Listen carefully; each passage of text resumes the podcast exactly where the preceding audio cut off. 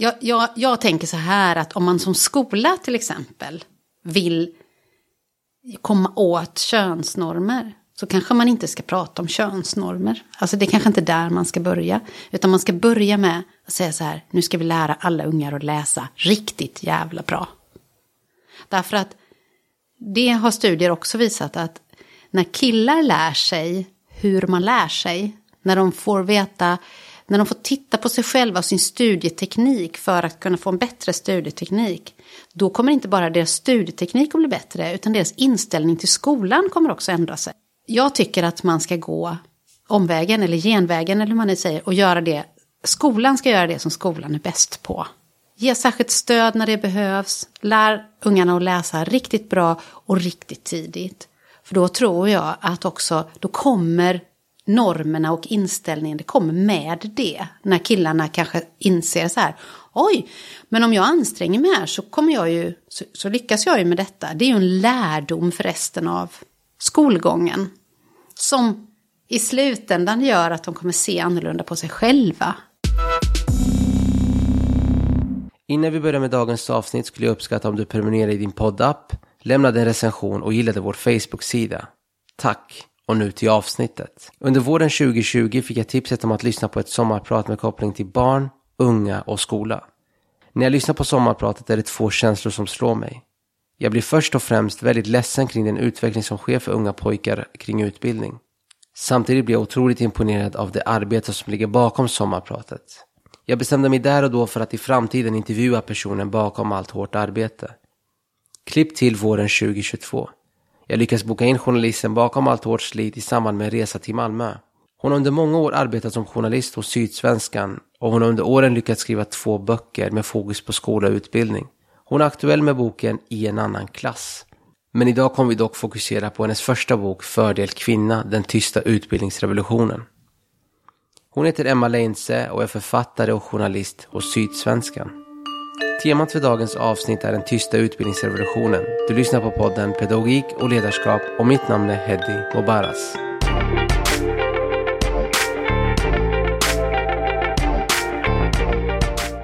Emma Leinse, så kul att vi kunde göra det här. Jag har ett, ett, under en väldigt lång tid velat få igenom den här intervjun. För jag kom i kontakt med ditt arbete i samband med ditt sommarprat som jag tror var 2019. Just det. Mm. Problemet är att vi har en geografiskt avstånd mellan oss. Jag vägrar göra eh, distanssamtal för jag tycker inte det blir så bra kvalitet. Svårt med en pandemi.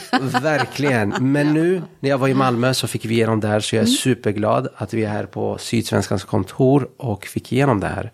Jag ska bara presentera dig lite snabbt. Du är journalist och författare. Mm. Du jobbar i dagsläget på Sydsvenskan och du har under en längre tid haft ett fokus på skol och utbildningsfrågor. Mm. Du har skrivit böckerna Fördel kvinna, den tysta utbildningsrevolutionen som vi ska diskutera idag. Men värt att påpeka att du är aktuell med en ny bok som heter I en annan klass. Eh, och min tolkning är att den handlar om dagens skolsystem med friskolereformen, stämmer det?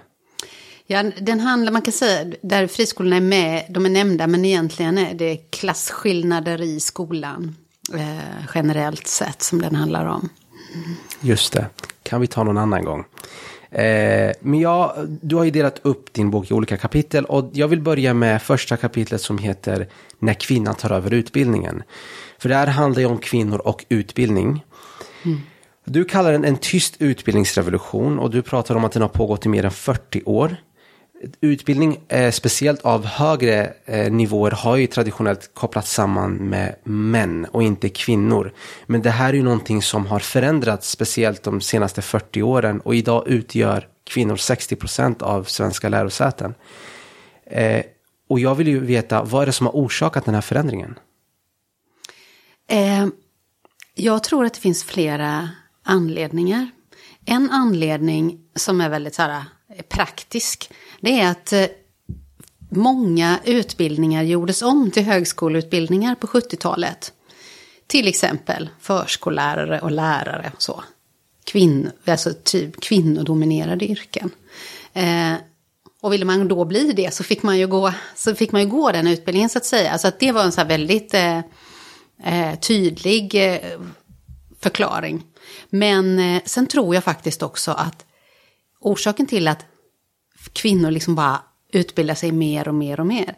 Det är att kvinnor på ett annat sätt än män vet att utbildning ger ekonomisk, ekonomiskt oberoende, frihet, eh, att man kan klara sig själv. Och för, jag tror att för många kvinnor, om man bara går ett par generationer tillbaka, så var det ju inte på det viset. Och många kvinnor vet, alltså de har det i sitt eget minne. De har träffat människor som, som, hade, som andra kvinnor som eh, har varit oberoende, eller be, som har varit beroende av, eh, av män. Eh, och jag tror att det, det, är verkligen en faktor. Kvinnor minns, i kvinnominnet finns eh, den här upplevelsen av att vara beroende av någon. Just det, och i din bok redogör du även för att flickor har en större tendens att påverkas av familjen och deras påtryckningar om just utbildning. Hur tänker du där? Alltså jag, jag tänker att ehm, jag tänker att vuxna kanske har varit bättre på att påtala för flickor att de måste att de måste eh, utbilda sig. Eller kanske att de måste eh, spränga den här eh, normen som har varit för flickor. Som säger att flickor kan göra si men inte så och sådär. Alltså vi har varit väldigt bra i Sverige på under många årtionden att uppmuntra flickor att göra annat än det som är traditionellt kvinnligt då. Eh, vi har inte alls varit lika bra på att eh, prata med pojkar om det. Kanske för att män alltid haft sånt överläge. Eh, och nu har vi liksom, nu är vi inte riktigt i den situationen längre. Att, att liksom alla män har mer makt än alla kvinnor. Liksom. Men, eh, men vi har fortfarande inte hunnit med i våra huvuden riktigt. Att liksom se att det finns väldigt många områden där män skulle vinna på mer jämställdhet. Utan det har alltid varit någonting som kvinnor vinner på. Så det har funnits en, det har funnits en, en vilja, det har funnits en, liksom, man har kunnat se att man, det, det lönar sig att pusha för tjejer. Liksom. Att det löser sig ändå för killar? Att man har tänkt så, ja. Mm. För regeringen 2014 ville ju, ställde ju sig samma fråga, så här, varför ser det ut som det gör att kvinnor mer och mer tar över i svenska lärosäten? Och deras slutsats var, det är svårt att dra slutsatser, men en stor del beror på att de traditionellt manliga yrkena endast kräver gymnasieutbildning och att kvinnor har lättare att komma in på högskolan med sina högre betyg från gymnasiet. Vad tänker du kring en sån slutsats? Ja, alltså då frågar man ju så här, ja men varför har tjejer högre betyg från gymnasiet liksom? Vad är det som har hänt innan? Eh, och det är, ju, det, det är ju jättemycket som handlar om uppfostran, som handlar om normer, som handlar om vem vuxenvärlden visar att man ska vara. Och det finns ju en könsskillnad där i hur vi behandlar pojkar och flickor som ger ju det utslaget att tjejer pluggar mer. Och därmed oftare går på högskolan då. Just det. Nu när vi kommer in på normer så det är ju någonting som du faktiskt diskuterar. Eh, och en koppling som du gör är att det finns en stark koppling mellan just normer och killars resultat i skolan. Speciellt arbetarklasskillar som är särskilt utsatta när det gäller kring de här normerna. Hur tänker du kring varför just de här arbetarklasskillarna är utsatta? Eh, dels för att de eh,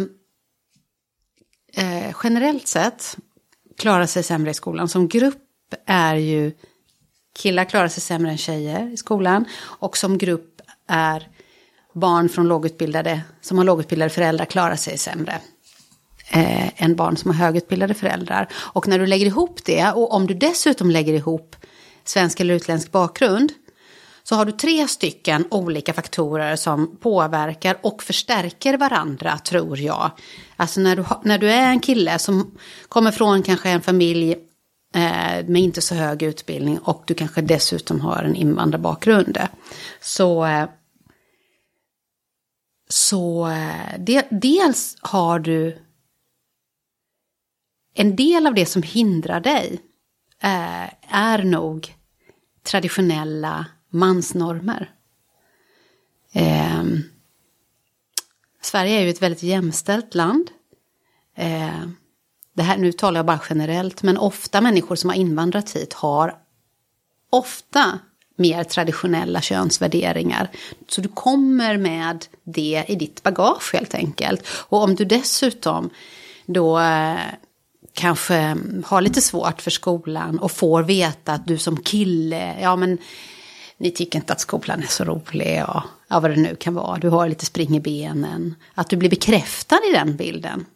Då växer den sig starkare, då gör du den bilden till din. Så intressant för du, du säger att man har de här traditionella normerna med sig. Eh, egentligen borde inte det vara som ett resultat att man tänker okej okay, i Sverige behöver högre utbildning på grund av hur arbetsmarknaden ser ut. Du behöver högre utbildning för att vara eh, vad kallar man the provider, vad säger man det på svenska? Försörjare. Försörjare. Ja. Mm. Så tror du det finns en koppling att därifrån att den här utanförskapsnormen eller utanförskapstänket börjar komma in. Att jag kommer ändå inte kunna slå mig in i den här arbetsmarknaden och redan där känner man sig undervärdig. Det kan vara så ja. Mm. Och dessutom den här, det här försörjarförväntningen. Den ligger ju mest på män. Eh, så där har ju liksom det, det, finns, där, det är ett område där liksom män kan här, misslyckas, där kvinnor kanske inte kan misslyckas för att de ligger inte de förväntningarna liksom. Om man tittar bakåt i tiden. Eh, så det, det, finns nog fler liksom triggerpunkter där en pojke kan misslyckas då. Jämfört med vad man tänker att han ska. Eh, så ja, det, det är så himla mycket olika saker. Och jag tror, det är inte bara normer man har hemifrån. Jag tror också, alltså, du kan få, det är så mycket vuxenvärlden gör som är medvetet eller oftast omedvetet, tror jag.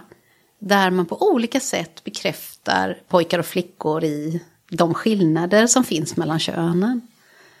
Hur, eh, det här, hur har det blivit så här? För återigen, jag, jag, tänker just på det här med försör, försörjarkravet som finns traditionellt hos arbetarklasskillar och invandrargrupper.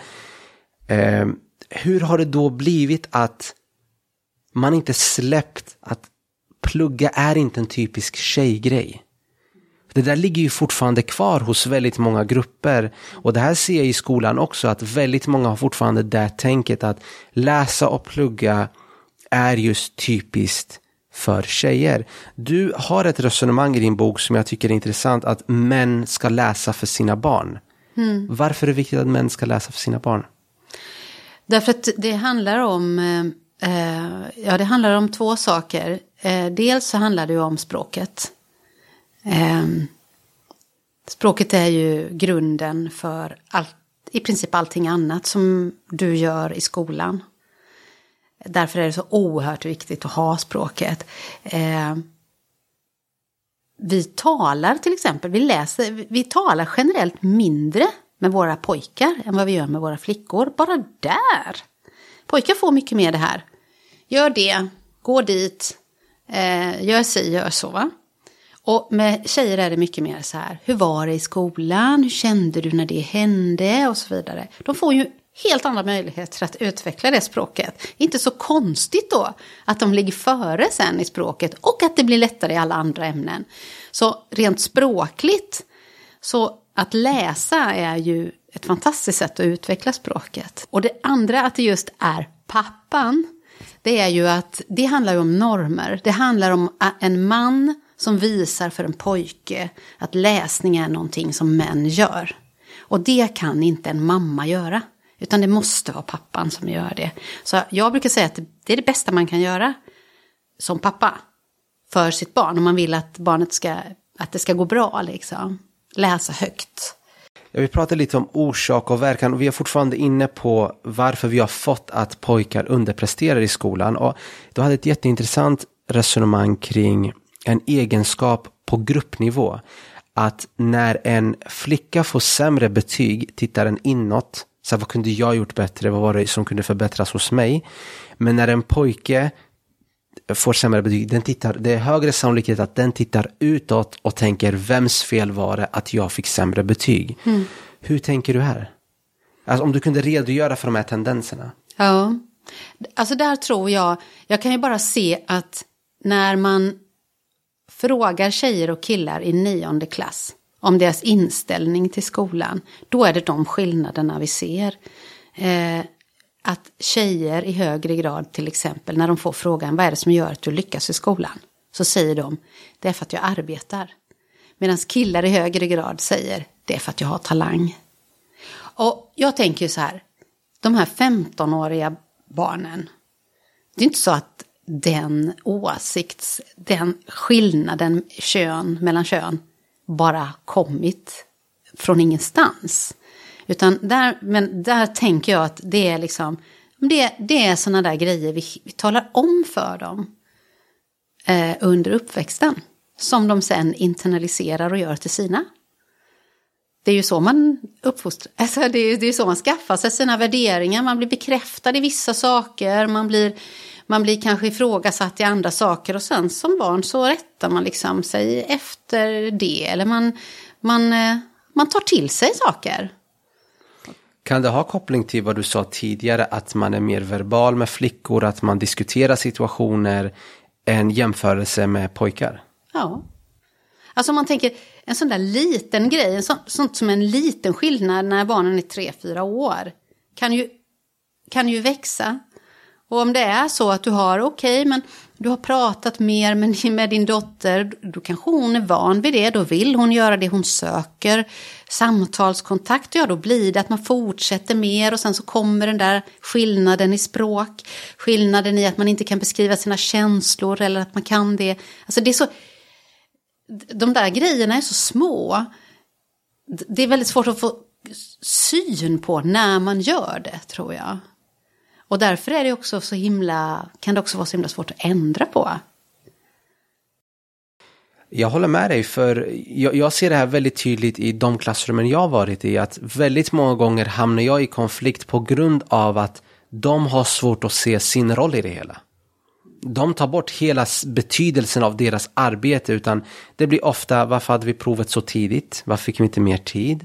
Varför har vi inte lärt oss det här? Aldrig tänker de, borde jag tagit mitt ansvar och studerat lite extra vid sidan av? Så det är en enorm frustration hos mig att försöka, och då är det faktiskt inte bara killar, det finns tjejer också, men på gruppnivå håller jag med dig av den lilla skaran människor jag träffat så håller jag faktiskt helt med dig, men jag skulle gärna vilja veta, har du någon tanke kring hur man kan komma åt det här på gruppnivå?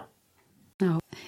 Jag tror att det bästa man kan göra är att liksom försöka vara medveten om det som vuxen. Sen träffar ju de, de träffar så många vuxna. Um, jag, jag, jag tänker så här att om man som skola till exempel vill komma åt könsnormer så kanske man inte ska prata om könsnormer. Alltså det är kanske inte där man ska börja. Utan man ska börja med att säga så här, nu ska vi lära alla ungar att läsa riktigt jävla bra.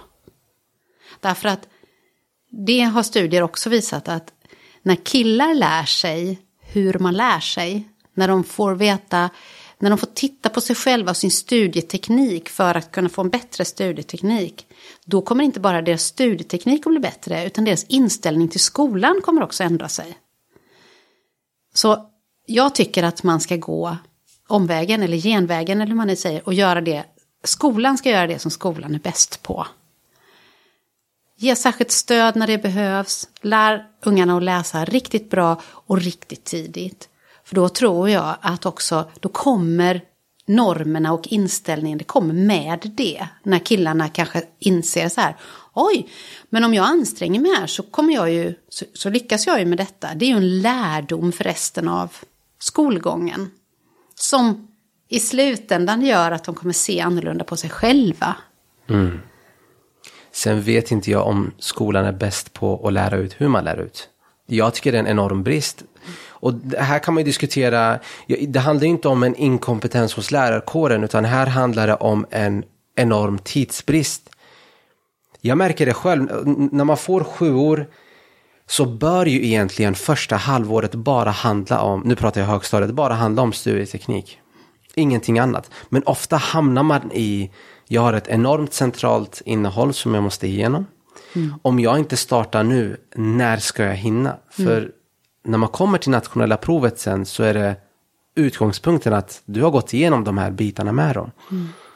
Så jag skulle säga att skolan har rätt förutsättningar för att göra det du precis sa. Och läsning är en jag tycker att vi, vi gör det för lätt. Vi har nästan på många skolor anpassat bort, vad ska man säga, input eller deras arbetsinsats. Man sammanfattar, man gör mindre texter, bullet points. Jag vet inte vad, syftet är ju att det ska gå snabbare framåt. Mm. Men i längden, gör vi dem, gör vi dem någon nytta? Mm. För i slutändan, om vi kommer tillbaka till det du sa, du sa om vi lär dem hur de lär sig så blir hela deras inställning förändrad. Mm. Den sämsta anställda är ju den som inte vill lära sig någonting nytt. Det är samma sak, din chef skulle inte vilja ha kvar dig om du inte vill förändras, lära dig nytt, lära dig nya saker. Mm. Och det är en förmåga som, som du måste ha och det, måste, det är ett sinne som du måste ha. Mm.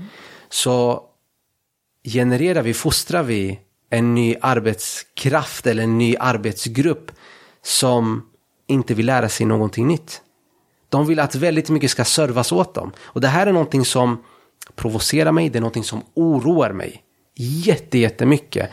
Men det låter ju lite som eh, det där man gör som förälder när man liksom så här skär mackorna åt ungarna eller hjälper dem att klä på sig för att det går fortare just nu. Medan man kanske egentligen skulle ha låtit dem klä på sig själva därför att i längden så kommer det så kommer de att göra det jobbet själva. Det, lå det låter som det du beskriver. Ja. Sen så, så, sen så är det ju orättvist också. Det finns ju studier som visar att 50% av betygen kan härledas till föräldrarnas utbildningsnivå. Det är jätteorättvist när man tänker efter. Så hela diskussionen om likvärdighet urholkas. Det blir, ja, hur som helst, jag skulle vilja gå vidare med konsekvenser för samhället i sin helhet. Jag, för du skriver så här, eller det är inte du som skriver utan det är forskning som säger att lågutbildade människor löper större risk att bli arbetslösa, sjuka och begå självmord. De får lägre tillit till andra människor, demokratin och samhället i stort. Risken är alltså stor för utanförskap. Och här kommer en väldigt viktig skillnad att i din bok diskuterar att samhället har mycket svårare att hantera lågutbildade män jämfört jämförelse med kvinnor. Kan du utveckla det? Ja, jag brukar säga så här att eh, män idag drabbas av eh, konsekvenserna av att vara lågutbildad mycket hårdare än vad kvinnor gör. Eller de drabbas, det finns ett område där kvinnor inte påverkas, men där män påverkas väldigt mycket. Och det handlar ju om att lågutbildade män, och när jag säger lågutbildade så menar jag de som inte har tagit en gymnasieexamen då. Lågutbildade män löper en väldigt stor risk att bli bortvalda som partners och som pappor. Tjejerna väljer någon annan att leva med. Eh, så förutom det där att man har svårt att få ett jobb, att man har, och antagligen då har ont om pengar, eh, och att man eh, mår dåligt för att man inte kommer in på arbetsmarknaden och psykisk ohälsa och fysisk ohälsa och så vidare. Så har männen dessutom detta. De blir väldigt ensamma av att ha låg utbildning. Och det, ur den gruppen män, lågutbildade män, där kan vi se att mycket av det som politikerna pratar om idag som samhällets stora problem springer ur det här. Att, eh, för gängkriminella till exempel, om man då frågar polisen så här, men vad är den, vad är den eh, gemensamma nämnaren för gängkriminella? Så säger polisen, det är att de har misslyckats i skolan.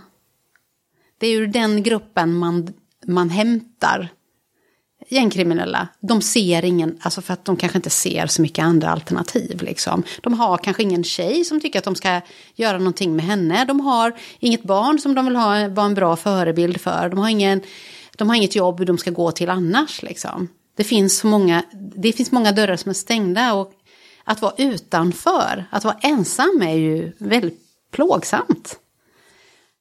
Kvinnor, eh, lågutbildade kvinnor, de... Eh, de lever med barn i precis samma utsträckning som, de får barn i precis samma utsträckning som högutbildade kvinnor. Det finns ingen skillnad i Sverige idag.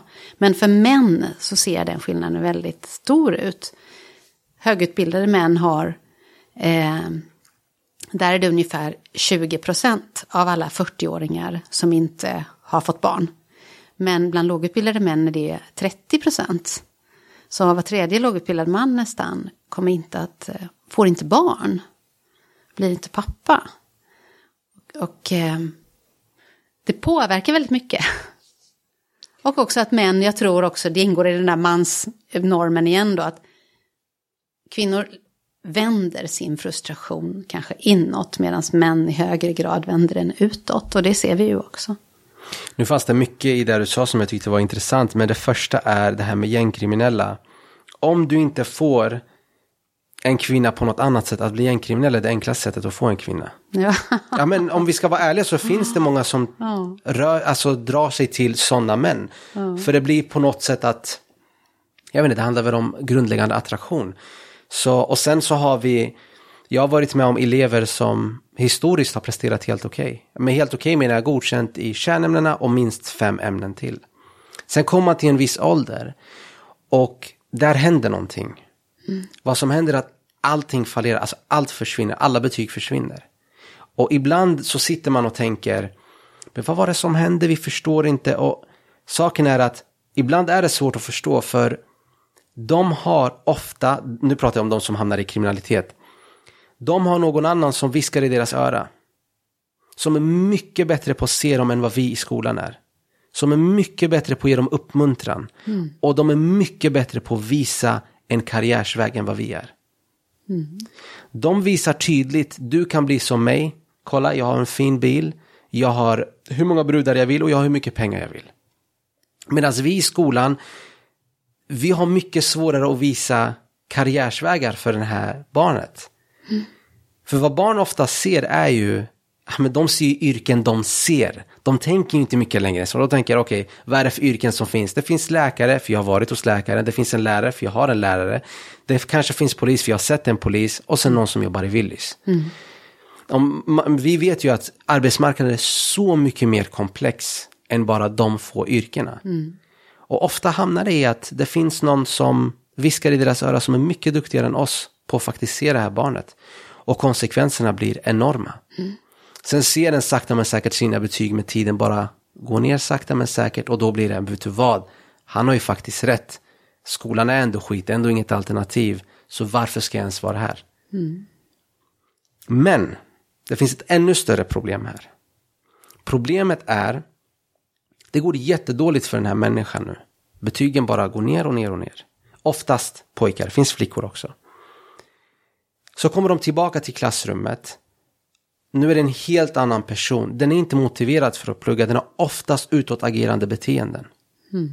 Det kan påverka lärarens självbild, självförtroende, mående.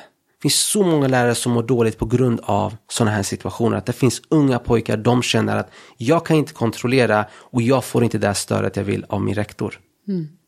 Sen kommer vi till likvärdighet och rätten till utbildning.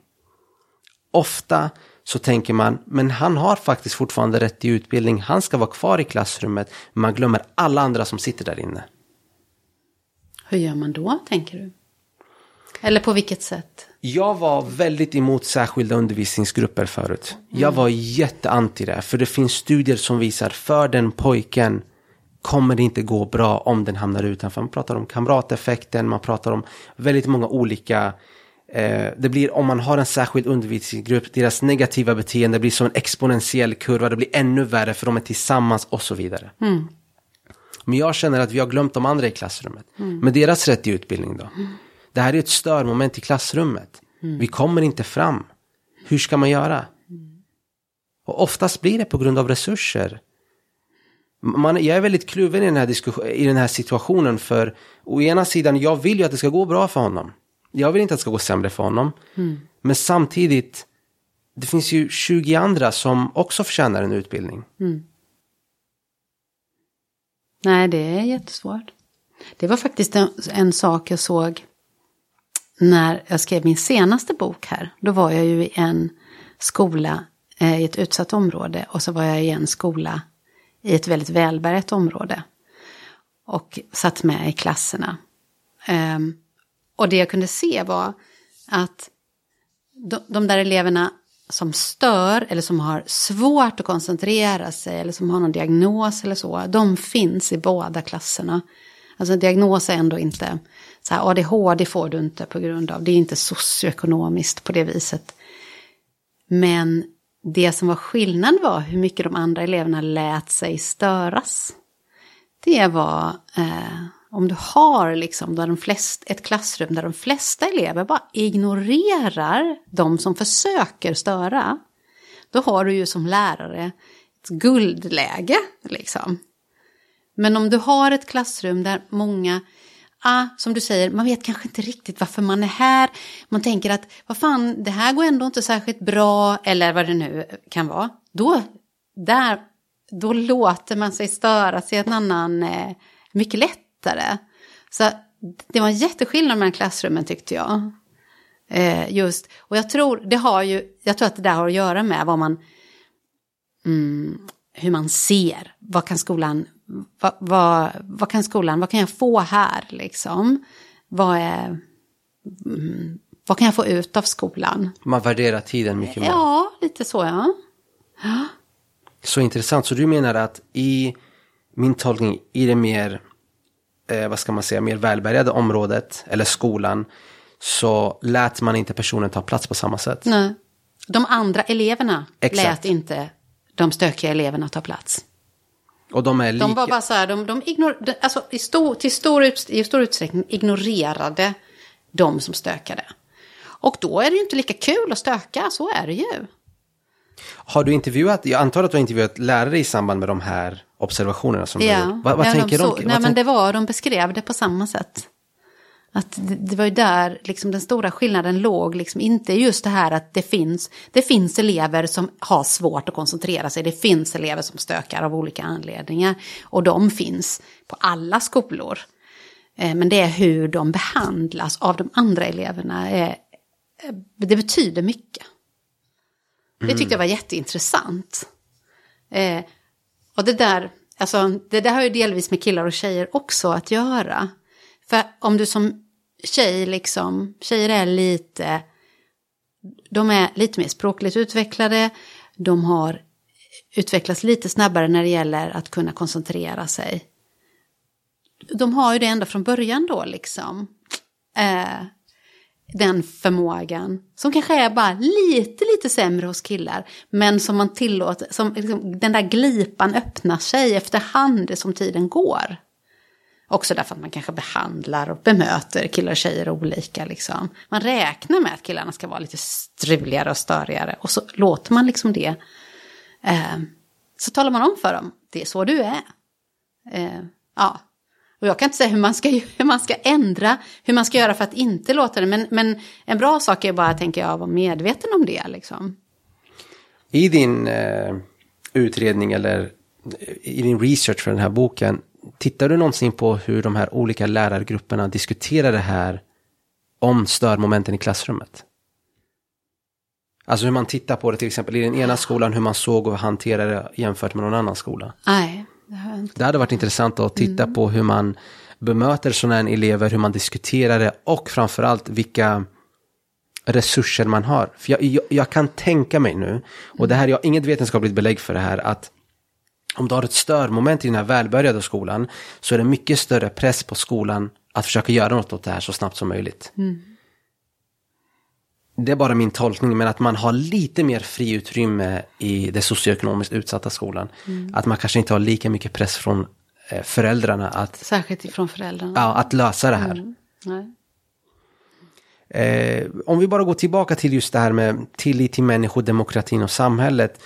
Eh, det blev så intressant för det här, eh, jag tänker på extremism på, eh, i alla dess former. Mm. Att det är så lätt om du har en person som inte har tillit till samhället, tillit till sig själv och demokratin. Mm. Hur lätt det är att rekrytera dem till extremistiska grupper. Allt ifrån till eh, extremister inom islam till högerextrema och säkerhetspolisen har ju en rad olika varianter av de här typen av extremism och hur lätt det är för unga pojkar att faktiskt hamna i just sådana här grupper. Mm. Det handlar väl, det var lite det du pratade om också, det handlar väl om vilka alternativ man ser för, för sig. Och skolans och samhällets uppgift är väl att liksom försöka visa de alternativ, eh, på, på bra alternativ. Helt enkelt. Och det är inte eh. alltid lätt det där. Nej, det är det verkligen inte. Men jag tänker, äh, ingen kan ju göra allt, men det skolan kan göra är ju ändå att visa, eh, kolla, du är duktig på att jobba i skolan. Alltså att man blir en sån person som ser sig som att jag är en sån som är bra på att jobba i skolan och som eh, lyckas i skolan liksom. Sen så finns, eh, Maria Wiman pratar ju om den, eh, den lärare som pratar om värdeskapande lärande. Jag, jag har intervjuat henne två gånger tidigare och hon menar att man måste bjuda in samhället till klassrummet. Och jag tycker det, det kan vara det som är vägen att gå. Till exempel du som journalist, att man bjuder in dig till klassrummet så du får prata med eleverna om vad du gör i din vardag. Eller någon annan yrkesgrupp som man kanske inte alltid kommer i kontakt med. Att på det här sättet skapa någon form av intresse. Mm.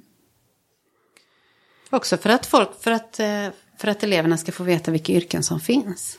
Precis. Det är ju, har man ju väldigt dimmiga begrepp om. Det tror jag till och med du och jag har, för det finns ju ja, så gud, många det finns yrken. oerhört mycket. Ja, ja, verkligen. Mm. Jag vill prata om jämställdhet. Mm. För 2014 gör regeringen en utredning om, eh, om jämställdhet och den kallas även mansutredningen om jag har tolkat det rätt. Mm. Eh, det menar att kampen för jämställdhet är en samhällsfråga och drivits framgångsrikt främst av kvinnor upp till nu. Eh, många män har observerat, förhållit sig passiva eller till och med gjort motstånd kring den här. Eh, och min, min egna tolkning är ju att diskussionen måste breddas om just jämställdhet. Och din bok är ett typexempel på det, att man måste få in mer män i eh, tanken om jämställdhet. Och framförallt att kvinnor behöver män för att få en större förändring i samhället.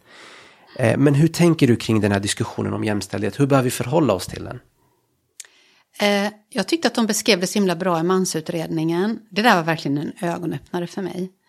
Att de säger, ju mer, jämställt, ju mer jämställt ett samhälle är, och Sverige är, eh, jämfört med nästan alla andra länder i världen, väldigt jämställt. Så ju mer jämställda vi blir, desto mer blir det så här också, att på vissa sätt eh, är det kvinnor som har fördelar och på andra sätt är det män som har fördelar. Så det går inte att säga nu att män som grupp har, är liksom, har makt över gruppen kvinnor. Utan man måste titta på, man måste titta på varje enskild på olika delar. Och så här bara, men hur ser det ut här? Och när man tittar på skolan, då ser man ju att killarna är de, den svagare gruppen. Man ser att killar, eh, om man tittar i resten av samhället, man ser att killar, män är mer ensamma, män har färre vänner, män begår självmord oftare och så vidare. På alla de där områdena då, då är ju ökad jämställdhet, skulle ju vara en fördel för män då. Så att eh, jämställdhet idag är ofta ganska ofta någonting där man då får säga att män ska få det bättre. Men jag tror att det fortfarande är, när man tänker på jämställdhet så tänker man ju ofta att det är att då ska kvinnor få fler rättigheter eller det ska bli bättre för kvinnor. Men det är ju inte det som jämställdhet är, utan det är ju att det ska inte spela någon roll, någon roll vilket kön du har. Liksom. Du ska ändå kunna ha samma förutsättningar som det andra könet. Så att eh, jag tyckte att när jag tittade på skolan så det var ju lite som omvända världen faktiskt. Det går liksom inte att säga så här att ja, ja, men alltså alla bankdirektörer är ju ändå män och så. Men, ja, men du kan inte titta på du kan inte titta på åldersgruppen 60 plus och säga åh men där, kolla här vad alla gubbar har makt. Och sen säga ja och därför lille Kalle är 10 år. Därför så ska vi inte, spelar det ingen roll att du klarar dig sämre i skolan än en tjej. Alltså det funkar inte, det går inte utan man måste titta på det utifrån vad, vad är det för förutsättningar just här, i den här specifika settingen liksom. Tror du inte det där är provocerande för många? Ja, alltså, jag tror så här att om man pratade om det på det viset, då skulle fler män förstå poängen med jämställdhet. Jag tror verkligen att det är, och, och det hade varit en vinst för, för män också. Tänker, Att man inte bara ser jämställdhet som ett hot liksom. Precis, jag tror det är, länge har ju, vi kan ju först vara överens om att jämställdhetsdebatten och den här kampen har ju framgångsrikt drivits på här i Sverige. På ett positivt sätt. Men nu börjar vi komma till ett vägskäl att, som, som du säger, att vi måste titta på det på ett annat sätt. Och jag tror historiskt att när män, speciellt i den lägre samhällsklasserna, där de kanske inte har högsta utbildningen, har hört diskussioner där kvinnor pratar om att män har mer makt, män har mer pengar och de har alltid tänkt Alltså jag har inget av det där. Jag vet inte vad det är du pratar om. Du ser mig som en fiende medan det är jag som inte har någonting i det här samhället. Och därför skapar man bara en motståndare. När du faktiskt, precis som du säger, du behöver männen i den här kampen för att driva på eh, helt och hållet. Sen, sen har jag tänkt mycket, hur, hur, hur tror du det kommer se ut i framtiden? För vi har ju fortfarande, vi har 60% kvinnor som är i utbildningsväsendet. Vi har en arbetsmarknad som hela tiden håller på att förändras och bli mer och mer kunskapstung. Tror du vi kommer få eh, en förändring, för om man tittar på toppen av isberget, tror du det kommer förändras i framtiden om vi pratar makt, pengar och så vidare, att det kommer bli mer kvinnodominerat? Alltså när de gör sådana där undersökningar. Eh, det, det finns en sån undersökning som görs globalt så här. När blir världen jämställd? Och den säger ju så här, ja om ungefär 200 år. Men då har vi också länder som Afghanistan och Saudiarabien i världen. Så att i Sverige, så i den takten det har gått, så kanske Sverige blir jämställt inom min livstid, jag är 50 år. Det, vi kanske snackar 40 år eller någonting. Eh, och då, ja, så jag tror absolut att det kan bli, eh, alltså, eh, att det kan bli så. Fast jag hade ju önskat att det var mindre av en så här könskamp liksom. Och att man mer, eh, verkligen, jag, jag, jag tror verkligen på att om man pratar om det på ett annat sätt så kan det också gå ännu fortare.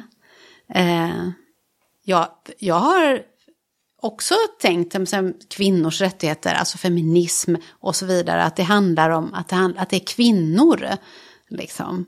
Men eh, ju fler män som förstår också att här är någonting som är bra för alla, liksom. Desto fortare kommer det ju gå. Men jag kan förstå de där killarna, eh, när man tittar på, på yngre eh, åldersgrupper och tittar på så här, mm, vilka, vad, vad röstar killar och tjejer på, eller unga män och unga kvinnor. Om du tittar, det är så himla olika. Så himla olika de röstar. Om de, när, när de får beskriva sig själva, vad är jag för, vad är mina egenskaper, vad är jag för en slags person, liksom jätteolika. Tjejerna beskriver sig som så här, feminister och politiskt intresserade och djurvänner och miljövänner. Och killarna de beskriver sig som så här gamers och fotbollsnördar och så. Och jag tänker bara, när, jag undrar, det, det ser ut som en väldigt stor skillnad. Jag undrar verkligen så här, men hur ska de få ihop det när de blir lite äldre? Hur ska det gå liksom? Mm. Jag håller med dig. Men du har en, eh, du har en A famous line i boken som är bakom varje jämställd man står en utbildad kvinna. Ah, Skulle du kunna utveckla och förklara den meningen? Ja, eh, det är för att eh, till exempel har jag tittat på föräldraledighet. Eh, vem som tar föräldraledigt, vilka män som tar föräldraledigt. Och eh, när Försäkringskassan gick igenom det så kunde de se att eh, det fanns en massa olika faktorer som betydde olika mycket för vilka män som tog föräldraledigt. Men det var framförallt en sak som verkligen betydde något. Och det var, hade inget med pappan att göra, utan det var mammans utbildningsnivå. Så ju mer välutbildad mamman är, desto längre tid tar pappan föräldraledigt. Så där är ju liksom så här, snacka om att du som kvinna säkert pushar i många fall och bara säger du ska. Jag sa till min man, jag skaffar inte barn med någon som inte är föräldraledig. Punkt. Eh, det är lätt att sitta här och säga, men det är liksom, men jag tror att många faktiskt verkligen trycker på för att det ska vara så. Och om du är jämställd på det området så blir det mycket, mycket lättare att vara jämställd sen. Att dela på vabben eller dela på hemarbetet och sådär. Och då får du ju liksom, då får du ett mer jämställt förhållande och barnen ser så här, någonting som de tycker är det här är det vanliga liksom.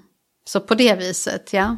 Sen är det ju en maktrelation också i form av om kvinnan är utbildad kan den med stor sannolikhet konkurrera med mannens lön. Så då kan man inte ta det klassiska argumentet, men jag tjänar mer för vår mm. ekonomi så är det bättre om du stannar hemma längre. Mm. Så då kan en utbildad kvinna säga, nej alltså jag, vi har i princip samma lön så det spelar ingen roll vem av oss som stannar hemma. Mm.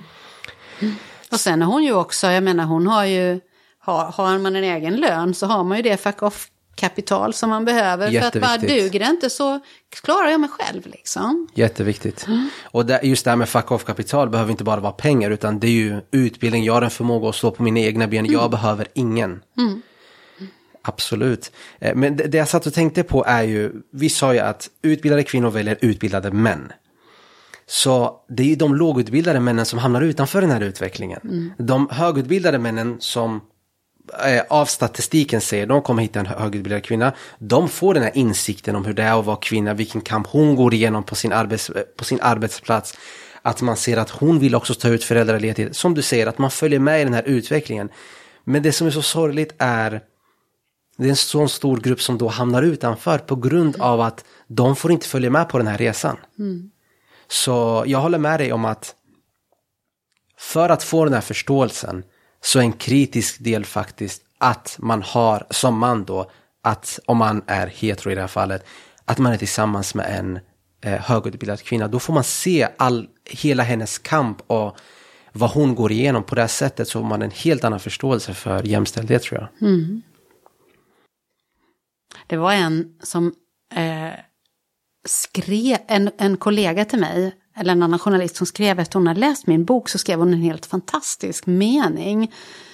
Hon skrev apropå det här liksom unga lågutbildade killar som blir, kanske blir ja, våldsamma eller vad, vad det kan vara så sa hon. Vem ska tala om för de här unga männen att vägen till en kvinnas hjärta går via en god bok? För det är ju precis det, mer välutbildade män är liksom mer attraktiva helt enkelt eh, in the long run, får man väl säga. Eh, jag tyckte det var så himla bra uttryckt liksom. Verkligen, jag håller med. Jag vill avsluta med sista punkten som är just framtiden har jag kallat den. Och det är de här egenskaperna för arbetsmarknaden. För om man tittar på hur världen rör sig så är det ju kvinnliga egenskaper som kommer vara mest attraktiva för arbetsgivare i framtiden. Och då tänker jag mest på multitasking, kommunikation, samarbete, emotionell intelligens. Saker som kommer värderas väldigt, väldigt högt.